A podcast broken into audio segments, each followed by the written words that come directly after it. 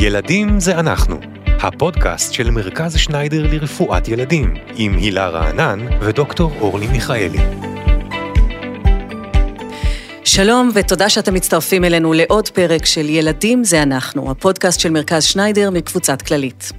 אנחנו מקליטים את הפודקאסט הזה בתחילת נובמבר 23, בימים קשים וכואבים מאוד, וחשבנו שזה רעיון טוב לנסות לעזור לכם, ההורים, בכל מה שקשור בחרדה בילדים ובשגרת מלחמה.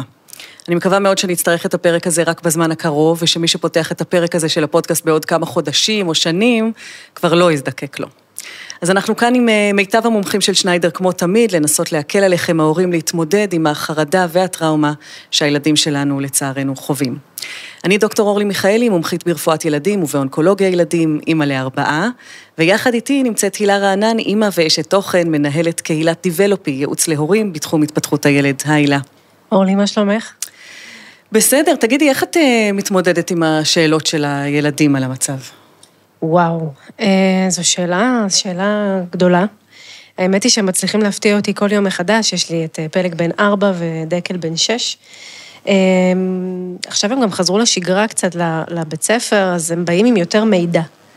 אה, וככל שהם חשופים ליותר מידע, השאלות אה, נהיות אה, קצת יותר מורכבות. אני מודה שעם כל כמה שאני כאילו מכינה את עצמי, מצליחים להפתיע אותי.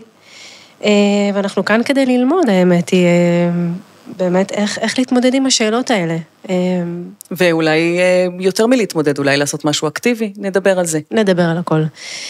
אז הפרק שלנו היום מוקדש לחרדה בילדים והתמודדות עם שגרת המלחמה. האם יש דרך נכונה לשוחח עם הילדים על המצב, איך להגיב כשהילדים מפחדים, והאם כדאי לספר להם שגם אנחנו פוחדים? איך מסבירים לילדים שאבא כל כך הרבה זמן במילואים, ואיך אפשר לייצר שגרה כשחוסר הוודאות שולט ביום-יום? על כל אלה נעבור אה, בפרק הזה. מצטרף אלינו בפרק הזה דני לוטן, מנהל המערך הפסיכולוגי בשניידר. היי, דני. היי, שלום לכם. דני הוא פסיכולוג קליני, מנחה קבוצות טיפוליות לילדים ולהורים. שלום. שלום רב. אז איך אה, בעצם פחדים וחרדות באים לידי ביטוי אה, אצל ילדים? טוב, קודם כל, ב... בהרבה מאוד דרכים. יש ילדים שנראה את זה ישירות, נראה אותם מפחדים, נצמדים להורים, לא רוצים לצאת אה, מהבית או לרדת למטה. בשינה אנחנו נראה את זה בערב, בלילה, רוצים לישון איתנו, מפחדים להתקלח לבד. אז זה כל הקבוצה הזאת שאנחנו רואים את החרדה הגלויה ומאוד משפיעה על ההתנהגות. ויש ילדים שנראה את זה הרבה יותר בעצבנות, בפתיל קצר, בהתקפי בכי, שהם אה, לא רוצים לאכול, ההתנהגות שלהם ביומיום מופרת. אה, ויש ילדים שלא נראה את זה בכלל, פשוט נראה אותם אולי יותר במסכים, או הם יראו לנו אדישים, אז זה יכול להיות מאוד מתעתע, כי אצל ילדים אנחנו, הגישה שלנו היא לא כל כך ישירה, כמו שאצל מבוגרים, שהרבה פעמים מבטאים ומוציאים בקלות החוצה. וזה בעצם תלוי בגיל של הילד, באופי שלו, באיך שמועברים אליו הדברים? בהמון דברים. קודם כל בטמפרמנט שלו, אם הוא רגיש יותר או פחות, ויש לנו קשת שלמה של ילדים. ואחר כך, ב, אה, גם בחוויות שהוא נחשף אליהן, וגם באיך שמדברים על זה בבית, כמה הבית הוא פתוח, כמה חדשות כל הזמן דולקות, יש המון המון דברים שמשפיעים על זה. אמ, אבל הדבר הראשון זה הטמפרמנט של הילד. ילד שהיה חרדתי קודם, יגיב עכשיו יותר בחרדה, וילדים שהם יותר, אה, נקרא להם, חוספסים, או הטמפרמנט שלהם פחות רגיש ופחות נפגע מכל דבר, גם עכשיו הם קצת יראו לנו יותר עמידים ויותר מחוסנים כביכול ממה שקורה.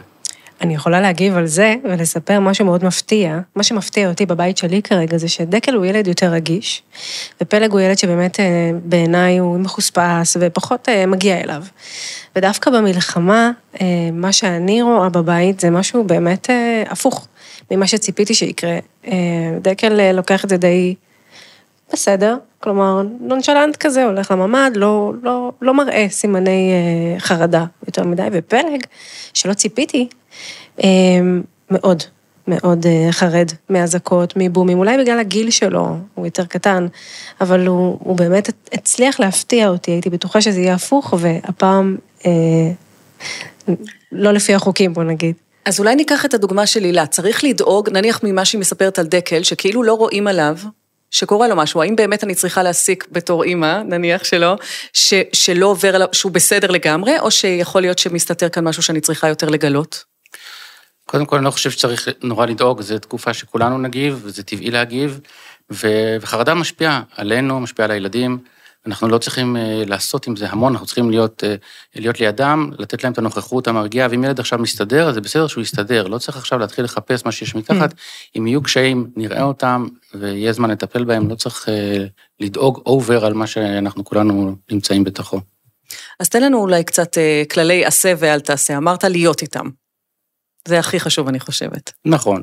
אנחנו בעיקרון נענים עכשיו לצורך, כי החרדה היא חזקה.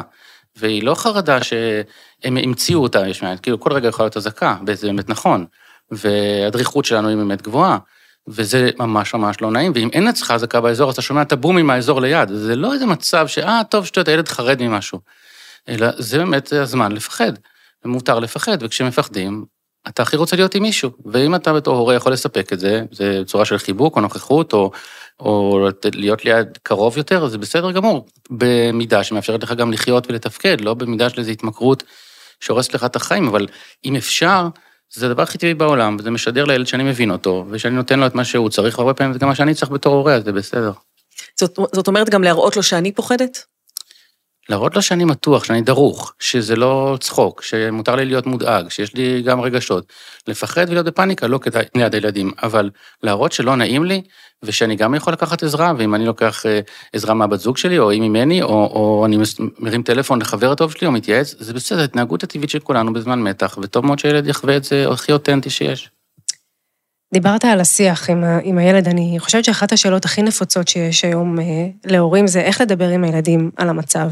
כמובן שזה תלוי גיל, ואנחנו פה מדברים על קשת אה, קצת יותר רחבה, אבל אה, באמת נשמח לדעת, הילד שלי מפחד, או מגיע עם האינפורמציה ושואל, מה אני יכולה להגיד לו ואיך להגיד לו, אה, באופן שיתאים. אוקיי, okay, אז גם פה צריך לזכור, אין איזה דרך מושלמת, כי אם נגיד מעט מדי אנחנו מסתירים, נגיד יותר מדי, אוי ואבוי, כביכול חשפנו אותו. צריך גם לרדת קצת מהדבר הנכון הזה, ואנחנו מדברים על דיבור רזה. זאת אומרת, אנחנו אומרים את העובדות ולא מנסיפים להם המון פרטים, ומחכים. כי הרבה, יותר חשוב לראות מה הילד שואל, מה הילד יודע, מה מפחיד אותו, מאשר שנספק בדיוק אינפורמציה כזאת או אחרת. ולפי זה אנחנו יודעים איפה הוא נמצא, וגם שם תמיד לענות את העובדות, את האמת. האמת היא נורא חשובה. אמ, וליד זה לא להציף בפרטים, ולהיות קשוב למה הילד רוצה, כי הילד יכול גם לא לרצות לשמוע הרבה דברים, הוא יכוון את זה, הוא ישאל עוד שאלות או לא ישאל אותם, אנחנו צריכים ככה אה, לענות כל פעם ולהקשיב. זה לא איזו משימה שמאוד ברור מה להגיד בה בדיוק, אז צריך להיות בדיאלוג עם מה שהילד שלך אומר לך. כן. Okay. אז למשל, הבת שלי אה, באה ושאלה אותי, אמא, מה זה חטופים? ו- מה להגיד? את האמת, חטופים אנשים שלקחו אותם, אה, אנשים רעים שתקפו אותנו ומחזיקים אותם בשבי, ואנחנו מאוד מאוד רוצים שהם יחזרו, ואנחנו מחכים ומתאמצים, והמדינה שלנו עושה הרבה דברים בשביל להחזיר אותם הביתה שלהם, כי עכשיו הם לא יכולים לחזור. אני יכולה להכליל את התשובה שלך ולהגיד שבעצם בכל שאלה אני עונה את האמת, אבל אחר כך גם מכניסה משהו עם תקווה? נכון, זה ממש חשוב להכניס אה, משהו עם תקווה, ו... והאמת היא שהתקווה הזאת קיימת, אתה יכול להעריך, אתה יכול להיות עצוב, אבל אנחנו כמבוגרים יודעים על המציאות הרבה יותר דברים מאשר הילדים יודעים. וחלק מה שאנחנו יודעים זה שגם יש דברים נורא רעים, ויש גם את ההמשך שלפעמים הוא קצת יותר טוב, את אנחנו יודעים. אנחנו לא צריכים להמציא עכשיו דברים ורודים או לספר, אנחנו יודעים את זה, והילדים לא תמיד יודעים את זה, ולכן, כשאני אומר את האמת, אני מתכוון להגיד שהמציאות היא, היא גם קשה מאוד עכשיו, אבל גם יש המון מאמצים שהיא תהיה יותר טובה. אני רוצה לתת עוד דוגמה כדי לקחת אותנו גם לשאלה, ככה, אה, להרחיב קצת את הדיון באיך מדברים עם ילדים על. אה, עוד שאלה, שהאמת היא שהגיעה מהבן שלי, אה, זה אמא, אם ייפול עלינו טיל אנחנו נמות? אז קודם כל, אני אשמח לדעת איך להתייחס, אבל אנחנו מדברים על האמת, ובאמת על עניין המוות, שמגיע סביב גיל 6, כזה.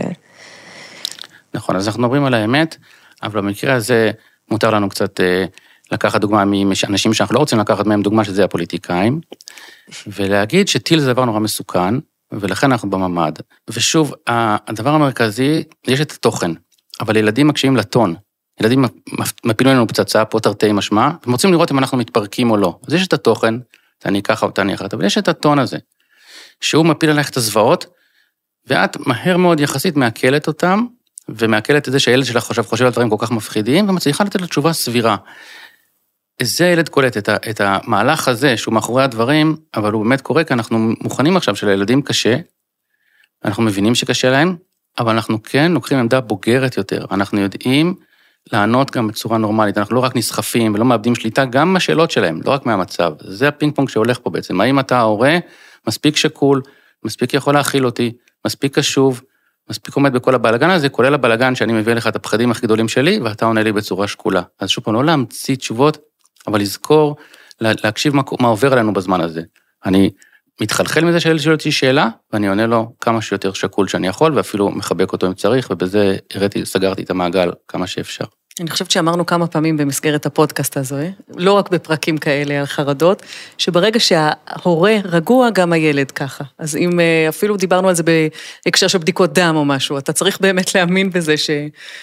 נכון, זה, תשמעי, זאת גם שאלה שעולה הרבה. מה ההשפעה של הפחדים שאני חווה והמצב רוח שאני אה, עוברת, אה, מה, מה ההשפעה של זה על הילדים שלי? ואני בטוחה שיש. אבל גם בסדר שיש, כי, כי אנחנו רוצים שהילדים שלנו ירגישו טוב ובטוח, אבל אנחנו גם רוצים שהם ייקחו מאיתנו דוגמה למה קורה כשאנחנו עצובים, ומה זה בכלל להיות בן אדם, ושבן אדם יש לו רגעים קשים, ושהוא יכול להתמודד איתם, ושהוא משתף, הוא לא מתבייש, זאת אומרת, יש פה המון דברים, ולא רק איזה מסר אחד של עצוב או שמח או משהו כזה. שאלות פרקטיות, מה לעשות עם ילדים אה, שיש להם התנהגויות קצת יותר אה, בעייתיות? יש למשל, לבן שלי יש חבר שמאז השבעה באוקטובר מסתגר בבית, לא יוצא מהבית, מה עושים? אוקיי, okay. אז אנחנו דיברנו קודם על הקבלה וההכלה, עכשיו אנחנו נדבר על זה שקצת קצת מניעה. כי אנחנו חושבים שלהישאר בבית כל כך הרבה זמן, ולתת אה, כזה מקום לחרדה זה לא בריא, זה לא מוצדק. ולכן, כשיש טיפה כוח להורה, לא בפאניקה ולא בלחץ, כן לדרוש יציאה מהבית, אפילו, אני אומר אפילו, לדקה. זה לא צריך להיות עכשיו הליכה שתגרום לילד לבכות ולצעוק ולא רוצה לצאת לגינת משחקים או משהו כזה. אבל אנחנו אומרים לו, יש לך חרדה, אנחנו נתרגל, יורדים במדרגות, עולים. פעם ביום. אחר כך שתי דקות, אחר כך שלוש דקות, כי זה כמו חיסון, כי כשיגמר כל הבלגן ונרצה תפקוד, אה, חרדה הזאת יכולה לקחת המון זמן, וצריך כבר עכשיו לשתול את המסר הזה שעם חרדה מתמודדים. זה נורא חשוב. ילד שרוצה לישון עם בן משפחה כל הזמן, להרשות לו? כן, זה סביר מאוד כרגע, ושוב, לעשות ציפה מרחק. עדיף על מזרון ולא במיטה, עדיף להגיד, אה, אה, אבל אה, בסוף שבוע לא. זאת אומרת, להכניס את הרעיון שזה לא לנצח ולא עכשיו חזרנו לרחם, ומפה mm-hmm. יש לנו מינוי מחודש עליה, וזה לא, לא יהיה טוב, אבל לא להילחם בזה בכל הכוח. דיברת, אורלי, על שינה, על רגרסיה בשינה. אני חווה הרבה שאלות בדיבלופי על רגרסיה בהרבה תהליכים, למשל בגמילה מחיתולים. אז ככה, אם אפשר לשמוע ממך איזה מילה או משהו להורים, לעזור להם להכיל את השינויים האלה שהם חווים. אז קודם כל, אני חושב שהכי עוזר לזכור שכולנו קצת ברגרסיה. אפשר לראות את זה למשל אם אנחנו עושים פחות ספורט, או אוכלים יותר מתוקים, או רואים יותר טלוויזיה, או כל מיני התנהגויות שהן גם אצלנו הן יותר ילדותיות, למרות שהסביבה לא בטוחה טוב שרואה את זה. כולנו מתנחמים בפחמימות. למשל. נכון. אז ברגע שאני מקבל את זה, אני מבין את הצורך הזה, ואני פחות נבהל כהורה שהילד שלי חזר אחורה קצת. זה מצב מלחיץ, כולנו בלחץ מתפקדים פחות טוב, וזה כולנו. וכשנגמר הלחץ, אנחנו לאט לאט חוזרים חזרה והכל מסתדר. זאת אומרת, זה לא איזה משהו שתקלה שעכשיו תקרה והילד ייתקע בשלב ה... רגרסיבי שהוא הלך אליו, זה נסיגה זמנית, ושיגמר הסטרס היא תתקדם חזרה.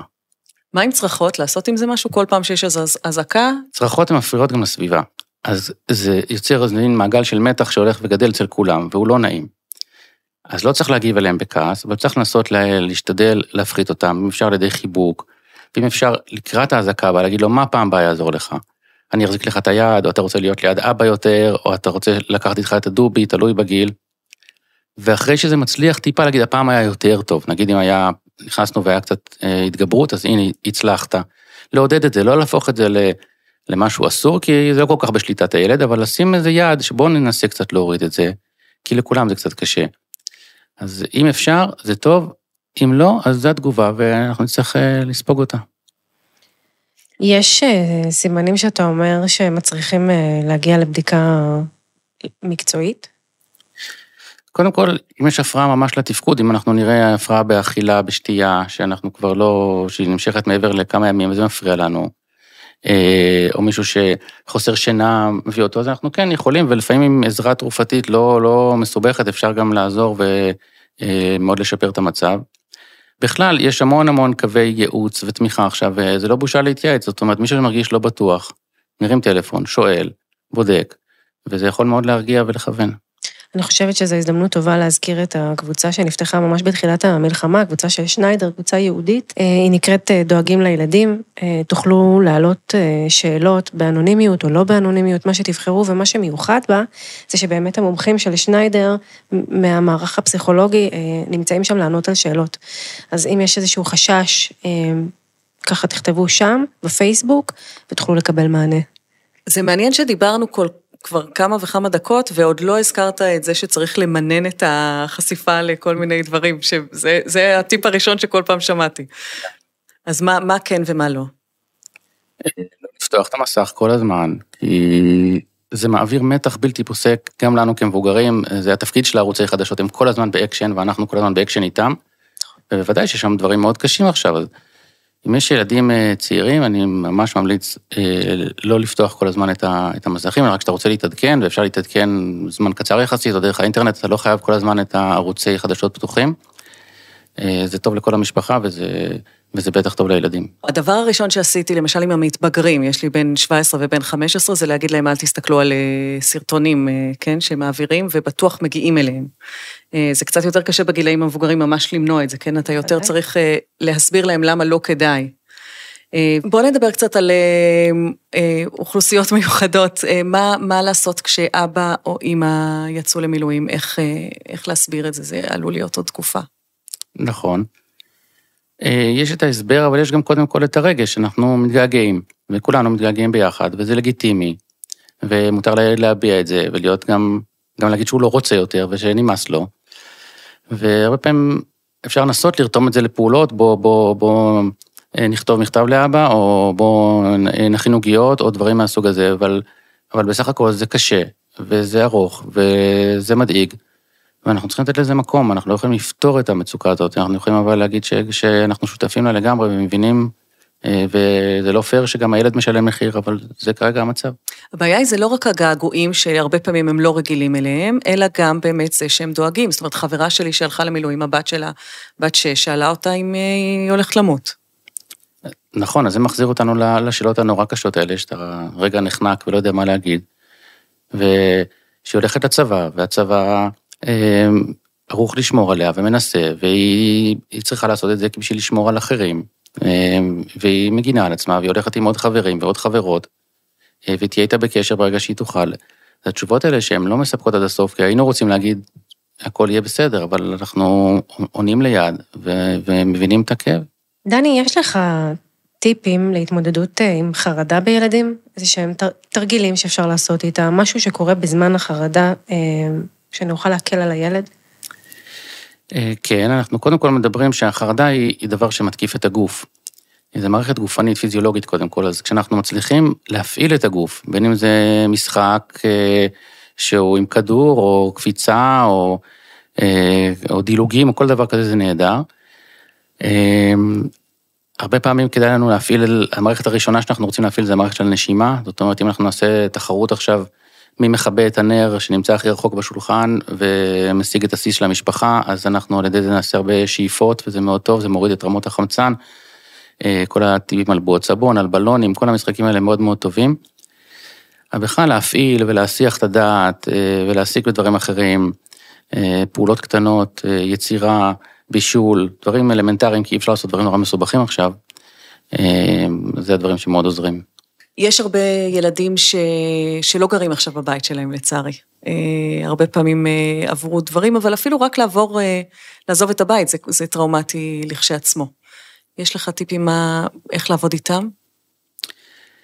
צריך לזכור שילדים גם מסתגלים נורא מהר. אתה רואה אותם מוצאים בסביבה שלהם איזשהו עיסוק, איזשהו חבר חדש, איזשהו תחום עניין. הרבה פעמים הם מעסיקים את עצמם נהדר. אה, זה כן עולה בזה שהם אה, יהיו יותר עצבניים, אי אפשר לדרוש מהם דברים שדרשנו קודם, זאת אומרת, אה, לעזור עם האח הקטן, או ללכת לישון בזמן, או דברים כאלה, זה, זה דברים שייפגעו, דברים שדורשים קצת יותר כוחות ומשמעת. בדרך כלל אנחנו צריכים לעזור להם להיטמע בסביבה החדשה, ולזכור ש, שלמרות שהם נראים שמחים, או כל היום משחקים באייפד, קיבלו את החוב, בסוף הם גם משלמים מחיר. והמחיר הזה הוא מחיר שהוא של שחיקה לאורך זמן, זאת אומרת, קשה מאוד לתקן את זה עד שלא חוזרים לאיזושהי שגרה או יוצרים שגרה ממש מסודרת, וזה ייקח זמן לפעמים אצל ילדים שנעקרו להרבה זמן, זה לא פשוט. אמ, כמה שיותר מהר מערכות החינוך, מערכות שמפעילות הילדים יכולות להיכנס לתמונה, זה כמובן הרבה יותר אה, אה, יעזור ויכניס סדר בתוך הבלאגן הזה, כי מאוד קשה להיות מחוץ לבית כל כך הרבה זמן, אה, שאתה מנותק מהמון דברים שעוזרים לך להירגע ולהיאסף לתוך עצמך. אז אין פה איזה טיפים מאוד מסודרים, כמו לדעת שילדים שורדים את זה, ומאוד מאוד להבין איזה מצב הם נמצאים. אתה מבין באיזה מצב הם נמצאים, אתה קצת פחות בא אליהם בביקורת, קצת פחות בא לעצמך בביקורת. כי אנחנו עסוקים בהסתגלות ובהישרדות, ולא עכשיו בדברים של אה, דרישה יותר גבוהה. כיוון שעברו כמה שבועות, תוכל לספר לנו על דוגמאות אה, של פחדים או אה, בעיות שצצות בילדים ומה התשובה לזה? יש לנו את הילדים ש... שהם דרוכים כל הזמן, שאתה רואה ש... שכל אזעקה או, או הפחד מהאזעקה אה, מקפיצה אותם, הם דרוכים, אה, עסוקים בעצם כל הזמן, אם זה העיניים על החלון, או משעה מסוימת בערב מתחילה מאוד מאוד עצבנות. אז אה, זו תופעה מאוד מאוד נפוצה. ומה עושים? מה, פלא, מה... פלא ככה, כשאנחנו יוצאים לגינה, לחצר, אז הוא ממש אה, מדי, מדי כמה דקות, נגיד פעם בעשר דקות, רבע שעה, בא לשאול אותי, אמא, אם תהיה אזעקה, לאן הולכים? השאלה היא האם אני צריכה לתווך את זה לילד איכשהו, האם אני צריכה לחבק אותו, נניח כשפלג בא, ולהגיד לו, כן, יש לנו את הדרך, ואת הממ"ד קרוב ובוא תמשיך לשחק. אה, נכון, וגם צריך לזכור שאנחנו כבר חודש בתוך המצב הזה, אז גם לילדים כשיש ניסיון, אפשר כבר לשאול אותם, אה, אתה זוכר מה עשינו? אה, מה אתה מציע? מה אתה אומר? זאת אומרת, הילדים, הם גם, אפשר כבר לסמוך עליהם קצת, יש להם קצת, לתת להם את התפקידים, וקצת להיות שותפים קצת בהחלטה, כי זה לא הסכנה עצמה של הטיל, זה כמה לא נעים להם כשהם להיבהל עוד פעם. ולהיבהל זה תמיד, תמיד מבהיל, זאת אומרת, יש, בפחד יש את הפחד מהפחד, אוקיי? Mm-hmm. ואנחנו יכולים להתייעץ איתם, אם הוא מוכן לספוג את זה, מה, מה הוא מציע. אנחנו גם יכולים קצת להתחיל לשלב בזה הומור, אמ, ולהתחיל לשחק עם, עם כל העניין, המצב הזה, כי זה מצב הזוי, אבל מצד שני, אנחנו כבר צריכים קצת להתרגל אליו ולחזור לחיים שלנו. אני חושבת שלתת שליטה, לתת לילד לחוש איזושהי שליטה על המצב מאוד יכול לעזור. אמ, ואז הוא לא תלוי רק בנו. כלומר, הוא יודע, הוא יודע לאן צריך לרוץ, הוא יודע מה צריך לעשות, וזה נותן להם איזשהו שקט. אה, ככה אני מרגישה לפחות מהילדים שלי. אה, דני, אנחנו מדברים על ההשפעה של החרדה של ההורה על הילד. אני רוצה לספר שבפרקים הקודמים הייתי בהיריון, ועכשיו אני עם אה, תינוקת בת חודשיים, ומאוד מעניין אותי, אני כן מרגישה קצת, אה, קצת יותר יונקת, קצת פחות ישנה, אני לא יודעת אם זה קשור לאיזושהי קפיצת גדילה, או למצב שאני נמצאת בו, ומאוד מעניין אותי לדבר באמת על הגילאים הקטנים יותר, נגיד החצי שנה הראשונה, או השנה הראשונה, אנחנו לא יכולים לדבר איתם, אין לי דרך להסביר לה מה קורה, אבל אני מרגישה שהיא מרגישה. אז נשמח לשמוע מה יש לך להגיד על זה. כן, מאוד צודקת, היא מרגישה שאת מרגישה. אמ, וההרגשה הזאת עוברת דרך הנגיעה בגוף, דרך החיבוק, דרך המתח השרירים שלך, דרך הטון, דרך הזמן שאת יכולה להיות איתה, ואת זה שומעים, שומעים את זה מאוד מהר. זה בסדר, קודם כל, כי זה שוב פעם, זה, זה טבעי ואת לא צריכה להלחיץ את עצמך אם את לא בדיוק עכשיו כמו שהיית לפני חודש. ומצד שני, לדעת ש, שזה הדבר הכי מרגיע. אה, ואז עוד קצת לחבק ועוד קצת להחזיק ולשים לב לטון שלנו אה, ולדעת שאנחנו רוצים לשדר את היציבות שלנו, אפילו קצת לדמיין מה, מה את רוצה להעביר לה כשאת נוגעת או כשאת מחבקת או כשאת אה, מלטפת. ולמסור מסרים שהם לא מסרים של מילים, אבל הם מסרים של טון ושל מגע ושל אכפתיות, ולדעת שזה, שזה קשה.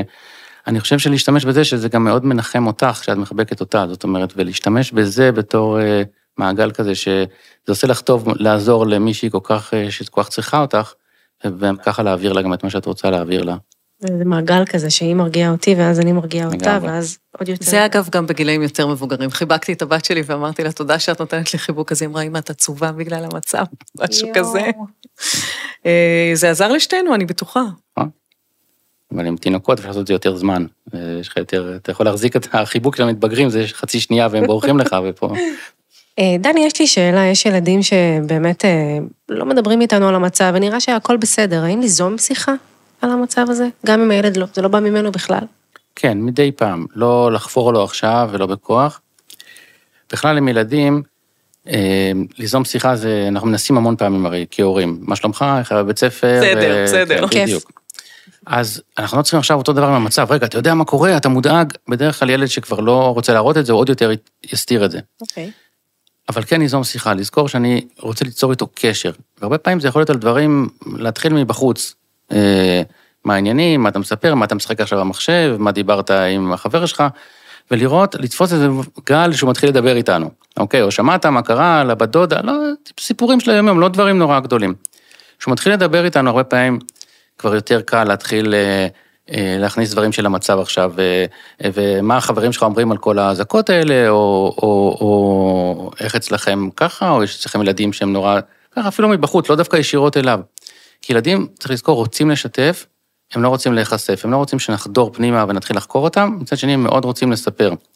וזה מין, אה, מין דבר, מין מצב כזה שצריך להחזיק אותו, ולהתחיל את השיחה ואת הדיאלוג, הרבה פעמים זה יהיה קל להגיע. אם אנחנו נבוא ישר עם השאלות שלנו, אנחנו נסגור אותם, אבל צריך לדבר איתם, לא כל יום, לא כל הזמן, אבל לבדוק את זה, ולא להשאיר אותם לבד וכאילו הכל בסדר ואתה לא, לא יודע מה עוצר, כי כולנו עוברים עכשיו המון המון דברים, הדברים האלה מאוד חזקים ואנחנו צריכים להיות שותפים להם. האמת נשמע לי דברים שצריך ליישם תמיד, לא רק בהקשר של המצב הנוכחי. אז אורלי, לפני שניפרד, תעשי לנו סדר במה שלמדנו בפרק הזה, ותני להורים כמה דגשים לסיום. וואו, אז אה, דיברנו בעצם, אני חושבת, הכי חשוב על, ה, על החשיבות הגדולה של השיחה עם הילדים, שמה שחשוב אה, הוא לא בדיוק מה שנאמר בה, אלא שיש דיאלוג בינינו לבין הילדים. דיברנו על זה שאם כבר מידע, אז מידע רזה, כמו שדני אמרת. אה, חשוב לשתף מה באמת קורה, אבל אפשר בהחלט לבחור איזה חלקים מהמציאות כדאי לשתף, ותמיד לשאול את הילד מה הוא רוצה לשאול בקשר לזה. אה, למדנו שמותר ורצוי שהילד אה, ידע מה הרגשות שלנו, לא להתפרק מולם, אבל כן שידעו שגם אנחנו עצובים וחוששים, אבל שאנחנו מתמודדים עם זה. אה, למדנו שחשוב לזהות מצבים שבהם הילדים מסתגרים או נמנעים בצורה מוגזמת, לעודד אותם לאט לאט להפחית את ההתנהגויות האלה. בילדים קטנים אמרנו לשדר להם רוגע, לחבק אותם ולפנות לעזרה כשצריך, גם לילדים שצריכים את זה וגם כשאנחנו צריכים את זה, האמת. זהו, אנחנו סיימנו להפעם. דני לוטן, מנהל המערך הפסיכולוגי בשניידר, תודה רבה שהצטרפת אלינו. תודה לך, הילה. תודה לך, אורלי. תודה, דני. ותודה לכם שהאזנתם. לפרקים נוספים הצטרפו אלינו בספוטיפיי ובכל אפליקציות הפודקאסטים המובילות. מאחלות לכולנו ימים טובים ושקטים יותר, וניפגש בפרק הבא. התכנים הנאמרים בפרק אינם מהווים ייעוץ רפואי או תחליף לייעוץ רפואי. המידע הינו כללי בלבד. הוקלט באולפני אדיו, המשווקת את ספוטיפיי בישראל.